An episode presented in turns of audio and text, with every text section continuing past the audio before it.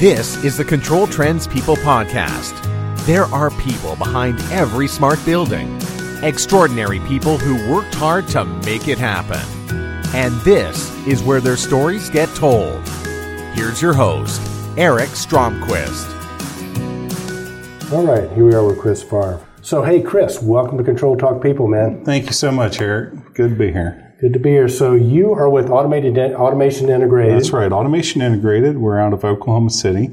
Uh, Jeff Halp and I founded the company almost five years ago. Well, cool. Well, as you know, this show is all about what happened before you got in the controls yep. industry. So, let's go back. Uh, let's go back to the beginning. Where were you born? I was born in Gulfport, Mississippi, uh, right there on the Mississippi Gulf Coast, uh, right outside Keesler Air Force Base.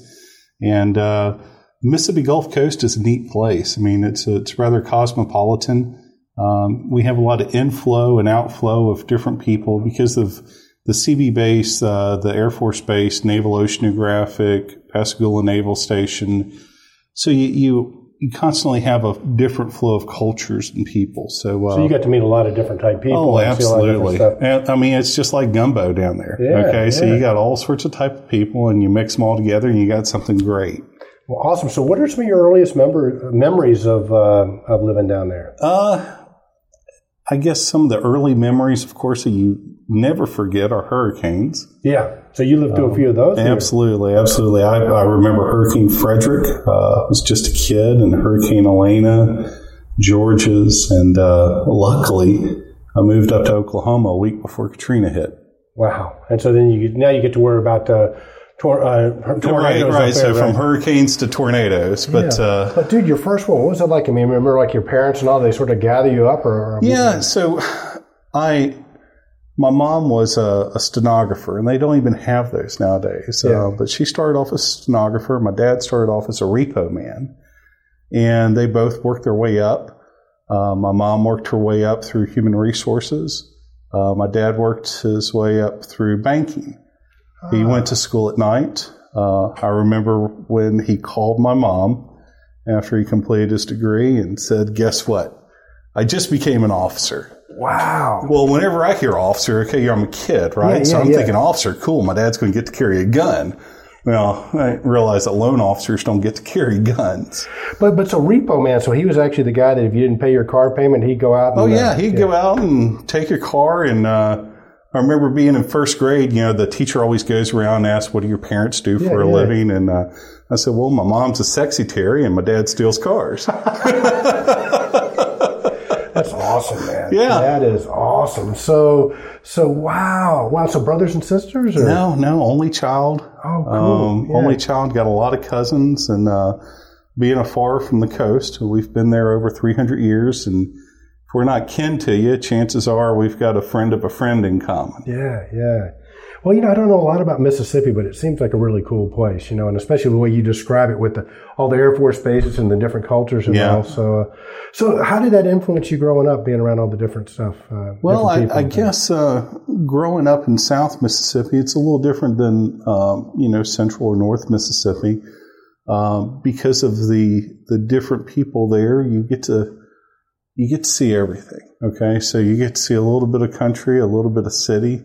Um, you know, we have a great exposure to food with proximity oh, to New yeah. Orleans, and of course, you know, you were at Summit recently. Yeah. Uh, Gulfport's about uh, 45 minutes to an hour away. So, so when you were uh, the teenager, I suspected when you would go get in trouble, mischief, you would. Oh yeah, uh, you just New go over to New Orleans, right? Because yeah, yeah. Uh, New Orleans back then it was uh, 18 to drink. Oh wow! Uh, that was before they had the the 21 everywhere. Yeah, yeah. And yeah, that's where you would go to get in trouble. Wow, wow. So so anyway, so you start out. You're you're an only child. Yep. Dad's moving up. Mom's moving up. Yep. Uh, you're surviving the hurricanes. Yeah. Uh, so what were you into as a kid? Uh, electronics. Okay. Electronics, and I played piano and debate. Okay. Those were kind of my things, and most of all, what kept me out of trouble was Boy Scouts. Ah. Uh, I'm an Eagle Scout, and uh, the electronics projects I would always create something uh, neat and sometimes destructive. Yeah, yeah. Uh, my uncle had a heat and air company, and I would help him out from time to time, and I, I think that's what kind of pulled me into HVAC. So yeah, I was, wondering about that. So that was pretty cool. And, and of course, probably back then there weren't a whole lot of electronics on the HVAC. Oh stuff. no, no, not at all, not at all. So what was it about electronics? Just the blinking lights and stuff like that. You have like the was- heat kit things and putting stuff Oh together. yeah, I mean, remember the Radio Shack kits Yeah, that you yeah, would get, yeah. and you know, it'd be a hundred science experiments, and I would burn through those books and then start creating my own, you know, concoctions. Yeah. Uh, I remember uh, I grew up outside a junkyard of all places, and uh, which was great as a kid, right? Yeah. Because you know, when you're next to a junkyard, there's all this treasure. Yeah. it's not junk; it's treasure. Right, Okay, right. so you go down there and you find new treasures, and you haul it back home, and uh, you wire up what you think is going to be a satellite receiver because you found like this old satellite dish. And Yeah. I remember uh, wiring in a hot water heater element Huh. into the middle of it, thinking that you know I could communicate with aliens. And I'm like eight years old, okay, Nice, you know. But nice. uh, yeah, luckily I didn't do anything that hurt me too bad. Yeah, I was going to ask, how many times did you get uh, sort of shocked or oh, up? I don't know. If you ask my wife, probably a little too much. Yeah. well, you kind of have the curly hair, but it looks good. It looks good. Thank you.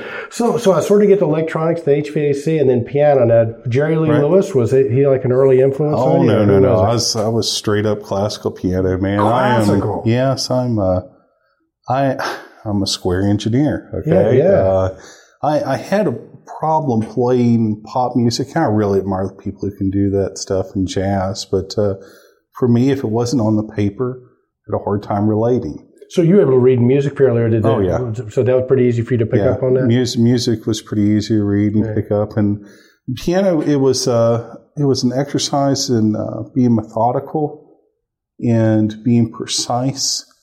Um, Well, it's and- very mathematical too. Music is so Oh, mathematical? You know, the rhythms and then the the sequence of the notes and all. I mean, it, you know, music and computer programming to me kind of, you know, they, they logically sort of intersect. Well, they, they certainly can flow together uh, because you can mix different elements to create great things. yeah, yeah.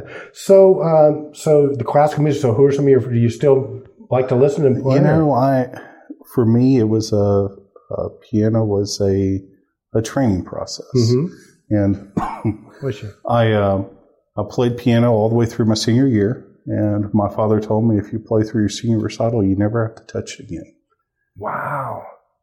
And I didn't for the most part. Uh, Yeah. I really haven't. I've, I've played from time to time, but I, I play for myself and for my own personal enjoyment. I don't have to worry about recitals and competitions and all that. Uh, so it, it takes a different turn when you're playing for yourself. Yeah. Uh, it's it's in a lot of ways it's like some things. You know, if you uh, if you're doing a job because you're passionate about it, it's not really a job. yeah, that's true. Okay. that's true. Uh, if, if you enjoy what you're doing, and I I didn't appreciate it, enjoying playing piano, but I understand why my father was so uh, adamant that I stick with it. Uh, because for him, it was about teaching commitment to. Yeah, yeah. You know, once once you make a commitment, once you give your word on something, you stick to it. Yeah. And that's been an important character trait that I've lived with. Well, it sounds like your dad was quite an influence on you. Oh, absolutely, absolutely. My my father's been a great influence on me. Uh, I I admire him a lot. Now, is he, is he still uh, still in a body? Still with us? Ab- absolutely, he's uh, he's still with us, and uh, uh, my son is.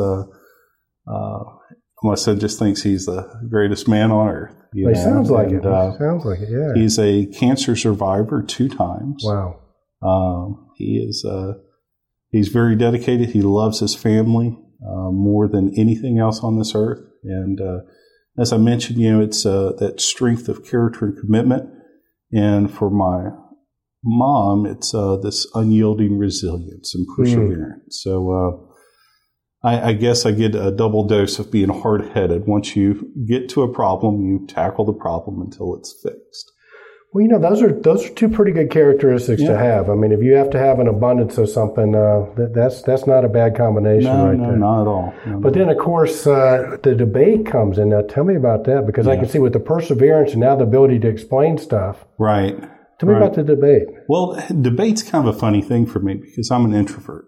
I am very much an introvert. Right. Uh, I, I find uh, solace, you know, being an only child. You're used to being alone, right? Right. Um, so it's not like I have to go out and party and have a good time. So I'm used to to being by myself and figuring things out. So debate was a good way for me to help get out of that shell a little bit. Yeah, and yeah. Uh, it was a really good challenge because debate's not about arguing. It's about figuring out uh, ways to construct arguments uh, that can influence or sway a judge's opinion of your case. So it's not about yelling, it's not about going to emotion. No, instead, it's about logic and it's about forming a, a systematic way of thought and expressing that thought. So sequencing. Absolutely. There you go. you Early sequence of operations. Right, Yeah. right, right. So, I mean, boy, you know, just from an outsider looking in, you know, we, we haven't had a chance to, to talk much, so this is great. To, to, but from what I know of you, I mean, it, what what a great background. I mean, you got the values from mom and dad. Yeah. The music is about sequencing, and it's also about creativity. It's about Right. taking sequences and moving them around, and then you get the debate, which is uh, And then about, the, the electromechanical, you know, Yeah. uh, always wanting to create and make things and uh, and uh, make things better. yeah. So, all right, now in high, so let's, let's, let's sort of fast forward to high school. Sure. So you've been playing classical music. Yep. You're kind of this electromagnetic Yeah, electromechanical guy, and uh, So do you have a you have a band or what, what were you doing? No, no, no. Really, never had a band or anything like that. I played a little bit in college, uh, just with some friends and stuff. Yeah. But uh, thought I wanted to be a doctor Ah. uh, because you know I, I enjoyed science, I enjoyed mathematics, and it was really through taking an EMT course I decided this isn't for me. Yeah. So what was it about the EMT? That's the EMT stands for Uh, emergency. emergency medical technician. Yeah, Yeah, yeah. I mean those the people who are in medicine are absolutely special. Yeah. uh, they they have a a stupendous way of separating their emotions Right. from what needs to be done. Yeah. Yeah. and I had a hard time with that. Uh, I, I find myself to be very empathetic Yeah. uh, when somebody's hurting, when they're in need, and I just I, I can't do it. I absolutely can't. Those those people are so special. Well, well, they are, and you know, I had studied. Um, uh, I don't know if you heard something called neurolinguistic programming, Mm-hmm. which is, is basically the one of the aspects of this modeling people. So if you can figure out what they do in terms of their beliefs and how they use their different systems, you can emulate certain results. And they they modeled and studied the EMT type people and the doctors, Mm-hmm. and one of the, the characteristics of it, which is exactly what you said, they had the ability to suspend their self Yeah. in other words, they could just completely take their self out while they were doing an operation or handling something. Because if, because if your self is present at that, too present, like you say, it's it's crazy. I mean, because I Mm-hmm. Think as human beings, we're all empathetic to one degree or another. And- Right. And, uh, wow. Well, the controls industry is lucky that, uh, that, that, that, that that didn't work out for you. So- Well, I, I, I guess so. I, I hope so. Uh, you know, the, the HVAC, I, I remember when I went to school, um, I went to work for a, wholesale firm Mhm. that did wholesale heating and air conditioning and did that as an outside salesman. Uh, Oh, was this over in Mississippi? this or- was in Mississippi. who, who Um, were you working with back then? uh, back then, it was with a company called Solar Supply. we used to sell and- solar supply. Used to buy a bunch Yeah, of stuff from us. Yeah, used to work for them, and used to work for another company called uh, Air Supply Okay. out of Jackson, Mississippi. So you totally know what I'm up against as a distributor Oh yeah, yeah, it's, Yeah, it yeah. is tough. It is certainly tough. So I did that and worked for. Uh, well, I was worked for Air Supply. Worked up in Memphis for a while as a Okay. branch manager, and uh, that's where I met my wife. Ah, okay. Uh, well, hang on. Now, our Control Trends audience, because we got a musician that uh, understands how to debate, and we, we sort of glossed over the college years a little Yeah. bit. So we, we want to hear about where you went to school. Oh, and, I went to school at Mississippi State, and some of those years are actually better to forget because it wasn't until after I met my wife that I went back to school. I got you. So okay, but, was- but, but hang on a second. First girlfriend. I mean, this is probably Oh. grammar school or whatever. Yeah, Who was her name? yeah. Your uh, wife will forgive you because we know your Oh, wife I know, is, I know, totally- I know. Uh, her name was Jenny. Jenny, okay. Yeah, yeah, just like Forrest Gump's Jenny. That's kind of a thing down in southern, you know, the southern part of the United States, right? You got to have a girlfriend. Absolutely. Jenny, Jenny, Yes, okay. yes. So you went to Mississippi State. That's and, correct. Uh, and pretty good football team there. I think. Uh, Oh yeah, Brett football. Favre played And- there, didn't No, Brett actually played for Southern Mississippi. I got you. Uh, he played for USM. And that's where most of my family has gone to school at. Okay. But uh, USM does not have a mechanical engineering program, I got you. and Mississippi State does. So that's why I went to school at Mississippi State University.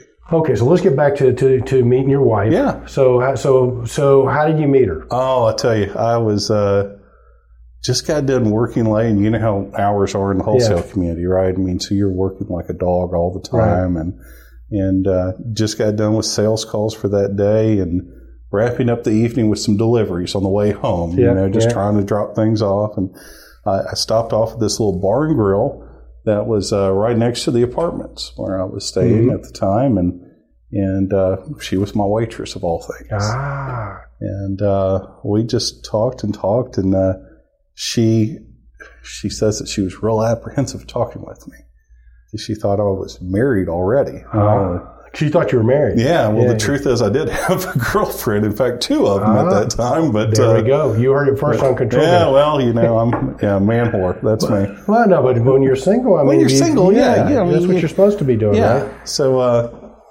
you know, I, I, she was different, and uh, So was it love at first sight for you? oh yeah, absolutely. And did you have to pursue her, or did you guys instantaneously sort of Uh, it it, it just it worked out together. Nice. When you know. kind of, this is a guy who's been married on his fourth wife, but I was going to kind of say you just kind of know, but Yeah. maybe not so in my case. But obviously, obviously with you, uh, it works. Okay, so cool. So how long did you guys date before you uh, tied the knot? Three months.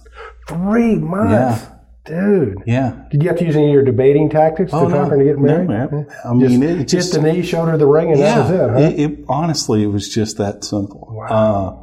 She is. She's been my biggest strength, my biggest partner. Uh, she has more faith in me than I have in myself.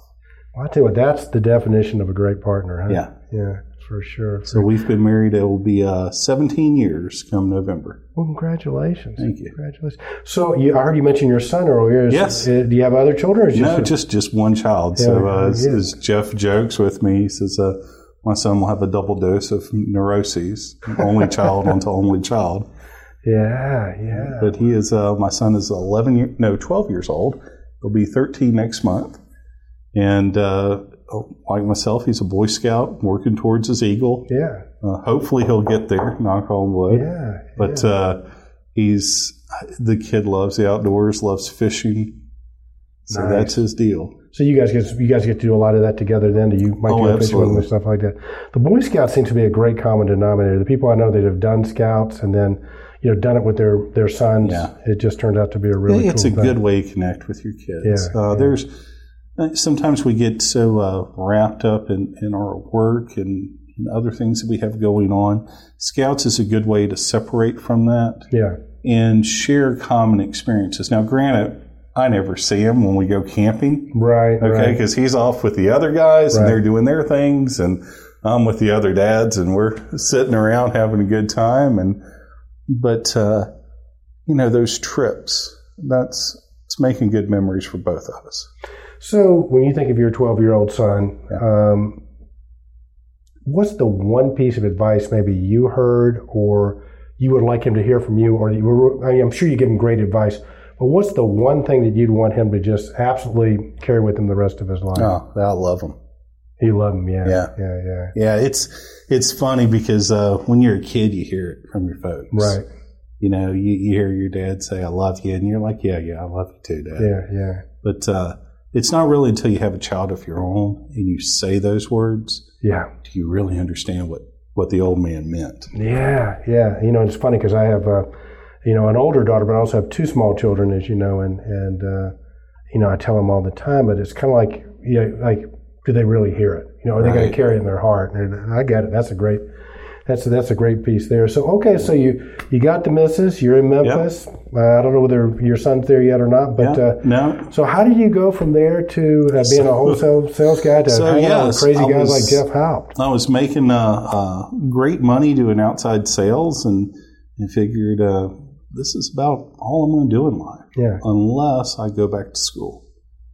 And we moved from Memphis down to Columbus, Mississippi, went back to school. And uh, school and outside sales really aren't compatible, so I needed to find another job. And uh, I went through my sales call book, looking at you know customers and prospects and stuff, and started talking around to the guys, and went to work for Air Control Engineering in Columbus, Mississippi, as a service technician. And uh, uh, Ralph McLean, who's a PE there in uh, Columbus, Hmm. just a awesome, awesome guys. It's a great company, and they were good enough to allow me to drive my service truck to school, go to class. You know, and the great thing about taking a service truck to a university is you can park anywhere. Okay, I mean, you, could just pull that truck right up on Yeah, the curb, yeah. hop out, walk into Carpenter Engineering Hall. Nobody's going to say anything Yeah, because they that's think you're there working on the AC. Yeah, yeah, you know, for sure. And uh, then once I'd get out of class, I'd get on the radio. Right? No Yeah. telephones. You got to get on the radio and call in and find out your service calls and where you need to be, and go run those until late at night and start all over the next day. Well, dude, I tell you what, the, the, the new generation of folks can't appreciate this, but you remember from outside sales, I mean, you were always pulling into a Holiday Inn or a payphone, and you probably had the little Oh, yeah. card because you had to check your messages and make your call. There were no oh, cell Oh, phones yeah. back in the yeah. day, right? Well, you remember the pager, the beeper, right? Oh, yeah. Oh, yeah. Kind of cracked us up a couple nights ago. We saw a guy with an alphanumeric pager. And, yeah, you just don't see those things before, but they used to be our lifeline. they were, weren't they? Yeah. Yeah. But in a way, it was kind of, it was, uh, because I, I learned so much being on the road, and you probably did if you were on the road. I listened to books on tape or but Oh, the windshield time was where I really got to think a lot, and, and you just don't get to do that anymore with the cell phone. Because when I'm in a car now, I mean, there's not much. I have to be doing an interview to have my phone off, right? Right. So, so it's it's it's, it's a little bit different. I, want to cycle back around because you've got a very unique perspective, I think, to offer those of our audience who are in sales, right? Because you've been a sales guy, plus you've been an integrator, plus you know we're going to hear more about your your education. Um, what advice would you give aspiring sales guys in this industry Oh, or you- girls? Okay, you got to stick with it. Yeah, Uh, you you have to stick with it. You're going to get rejected. yeah, Don't take it personally. It just happens, Yeah. right? I mean, not not everybody's going to buy from you, and that's okay. Uh, that was the hardest thing for me to learn. Uh, was I, you know, you go in on a sales call and and you would be, uh, I, I call it almost my Clark Griswold moment. You know, Yeah. I think this is going to be the greatest Christmas vacation ever. you know, this is going to be the greatest sale. They're going to buy everything from me. And you go in there with these high hopes and expectations, and yeah, you walk out just all bummed out. yeah. You know, but you can't take it personal. Nah, you, You can't. can't. You got to keep going back. You got to keep trying because eventually a sale will come through, right? And when that sale comes through, oh, it's it's the greatest It thing, right? It is yeah, it is. Christmas Yeah, again. Yeah, for sure. Uh, but that that would be a thing. I mean, just just don't give up. Realize that you're going to hear no more times than you hear yes. yeah, yeah. And don't take it personal. Well, persistence is a big is a big part of Yeah, it. sure. absolutely. And then I think also, you know, honesty and telling the truth. But you know, you nobody probably had to tell you that because you got that from mom and Yeah. dad. So, um, so okay, so you're studying engineering, Yeah. you're doing service work, Yeah. you get the best parking places at the That's university. right. That's right. And so what happens then next? 9/11 comes along. Hmm. And wrap up school in uh, May 2002. and I'm looking for a job now. Air control engineering, they're great. And they're like, you know, you can hang on here. You can be a project manager for us. And uh, but I just felt like I wanted to do something, you know, a little outside my comfort zone. I want to to see what I could do Yeah, and uh, I applied at various places and uh, fortunate enough to get a job close to back home, uh, working for Skipper Walters at Walters Controls. Oh, you know Skipper and Trent Yeah. and those guys. Oh, Yeah. they're awesome, huh? They are great. Yeah, yeah. Hi to Skipper and Trent. I think they're big Control Trends absolutely. listeners. So say a special shout out to those guys. Yes. So you're working for Skipper down Yeah, in working for Skipper down in Mobile, Yeah, yeah, and uh, worked for Skipper for I was reckon it was about three years or so. yeah, yeah. And uh, I remember I was at the office one day and we had a fellow come to work for us who was from Oklahoma City. He was looking to get back closer to home. hmm And, uh, you know, I was talking with him about uh, just the future and kind of how I saw controls going. And uh, he went back to Oklahoma City, uh, got a got a great job offer back there. And one day I'm at work and I get an email in the mail. I'm reading it and it says, "You know, I understand you're coming to Oklahoma. I'd like to talk to you about a job." Yeah, yeah. wrote back, Who the hell are you and how do you know I'm coming to Oklahoma? And come to find out, it was a mutual friend. And that was the first time I heard from Jeff Hout. Ah, so was Jeff the guy that was trying That's to right. So Yeah. he, had, he had the Secret Service intelligence. That's right. Yeah. Now, let me ask you something. Was Jeff, because rumor has it that, because you got a great voice. I got to tell you, I'm envious of your Oh, voice. thank you. Rumor has it that uh, maybe you were a DJ at some That's point. right, I was a DJ. was Jeff listening to you? Is that how you Oh no, no, no! This was uh, years ago, back in my college days at WMSV in Starkville, Mississippi. That was before you met your wife? Yes, it was before. Okay, so is it true what they say about DJs? Oh yeah. Oh, we have a lot of fun. yes, yes, you do get good tickets to the club. They want you there, Yeah, right? yeah. Because you're going to tell everybody about it. Right, right, Yeah. right. Oh, that is that's that's Yeah. way cool. So, all right, so you got the DJ voice. Our listeners can obviously hear that. Yeah. So, uh, I might have you tell me more about that off air. I can tell you some stories to make you blush. Well, I'm already blushing over here, and you hadn't even told me yet. So, uh, this is why we're podcasting. Yes, exactly. So, all right. So, first impressions of Jeff. So, you had traveled to Oklahoma City. What's your first right, impressions right. So of Jeff? I, I'm a member of the Citizen Potawatomi Nation. Uh, Citizen Potawatomi Nation is a tribe uh, out of Oklahoma, out of Shawnee, Oklahoma. Mm-hmm. That's kind of where we are relocated to. Uh, we were the first tribe to accept U.S. citizenship Huh. back in 1883, and that's why we call ourselves the Citizen Potawatomi Nation. Um, so went up there for a festival for a powwow, Mm-hmm. and uh, then one day I took off to drive into Oklahoma City to visit with Jeff and and talk to him about uh, an opportunity uh, there at a company in Oklahoma City, and it just it, worked out. You know, as Yeah. I mentioned, uh, I, I truly believe God's been very uh, providential in the movements of my Yeah. life Yeah. and uh, he's he's put good people in front of me. Uh, definitely put my wife in front of me. Uh, put Jeff, and it was a it was a good opportunity for us to come together and uh, worked with him at this company for uh, I guess it's about four or five years. Nice, And, nice. uh, I guess it's up to present time then, huh? Well, no, not quite, Oh, not okay. quite. So uh, uh, we uh, we left there. uh, Oh, five so this years is before, ago. this, is before, automated. That's right. Okay, I got you. That's right. So uh, and then uh, we left there and and started AI. So, uh, wow, that's that's a pretty big leap. And I mean, everybody's thinking, You know, it, think, it, it, it was a big leap in faith. Just just the whole thing. You know, Mm-hmm. we moved uh, out to Oklahoma, and moving out to Oklahoma, we were 12 and a half hours away from my family, nine and a half hours away from my wife's family.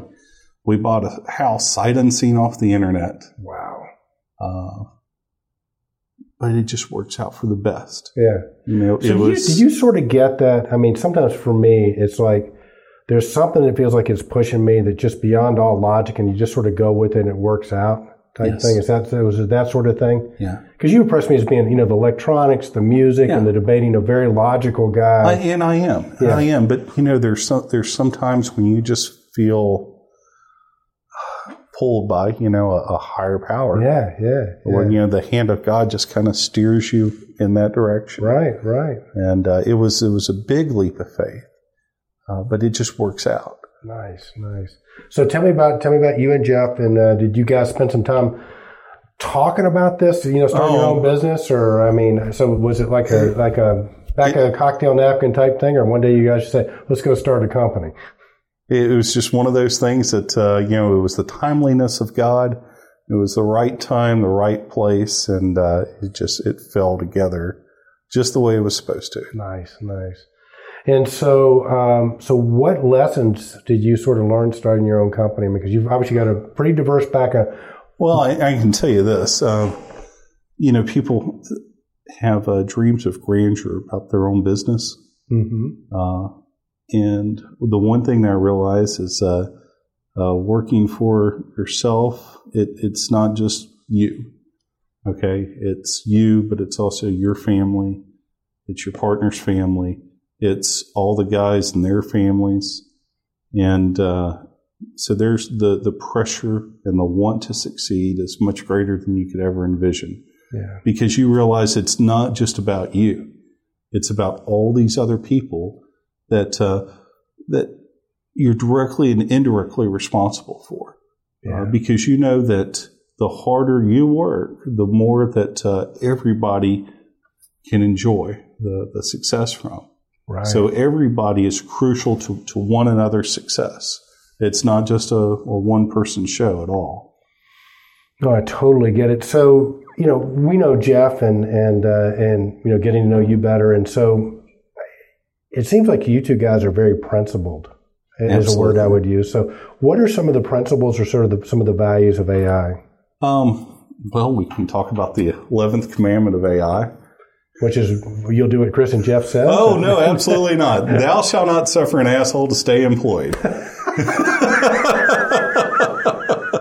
that's, that's the eleventh commandment. I love so, it. yeah, that's and that's just how we roll. You know, uh, life's too short. Uh, there's, you know, we've we've talked a lot about God. We've talked about family uh, and relying on one another. And the way we say it, you know, you wake up in the morning, you have so much energy that you can expend. Yeah. There, there's only so much, Eric, that, that you can do, right? And you can apply your energy to do great things or to do bad things. Yeah.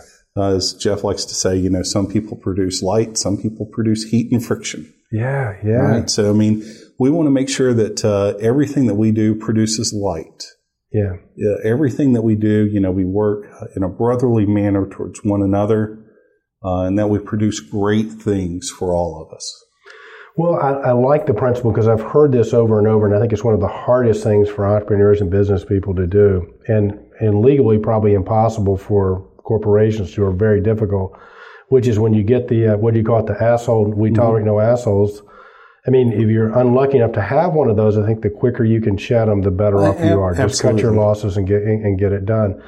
I suspect that uh, that you, like me and, and, and others, go to great lengths in the hiring process to make sure you're not getting one of those. Right. Uh, you know, there's that one saying, hire slow, fire quick. I used to hate that saying, honestly. So what's what, what, what's a telltale sign that you guys look for that somebody might be an asshole? Uh,